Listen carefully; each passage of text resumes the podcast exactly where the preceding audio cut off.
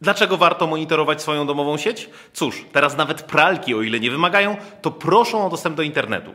Po co? Aby pobierać dodatkowe DLC. I nie, nie chodzi o jakieś skórki czy melodyjki, a o Downloadable Laundry Cycles, czyli nowe programy prania. Ciekawe, czy rozwiązują problem zagubionych skarpetek po jednej z pary. Co za czasy. Wielkie było więc zdziwienie Johniego, kiedy jego pralka LG wysyłała w świat dziennie ponad 3,5 GB danych. Zresztą raz podłączona do Wi-Fi, pralka nie pozwala już na zapomnienie sieci.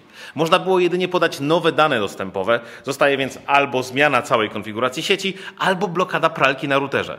Więc już tak bardziej serio, jeżeli podłączacie do swojej domowej sieci jakieś urządzenia internetu rzeczy, to sprawdzajcie, co one tak właściwie robią.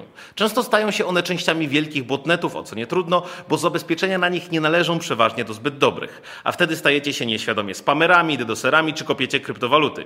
Jeżeli chcecie przeczytać zabawne komentarze do sprawy pralki, to polecam serdecznie wątek użytkownika Johnny.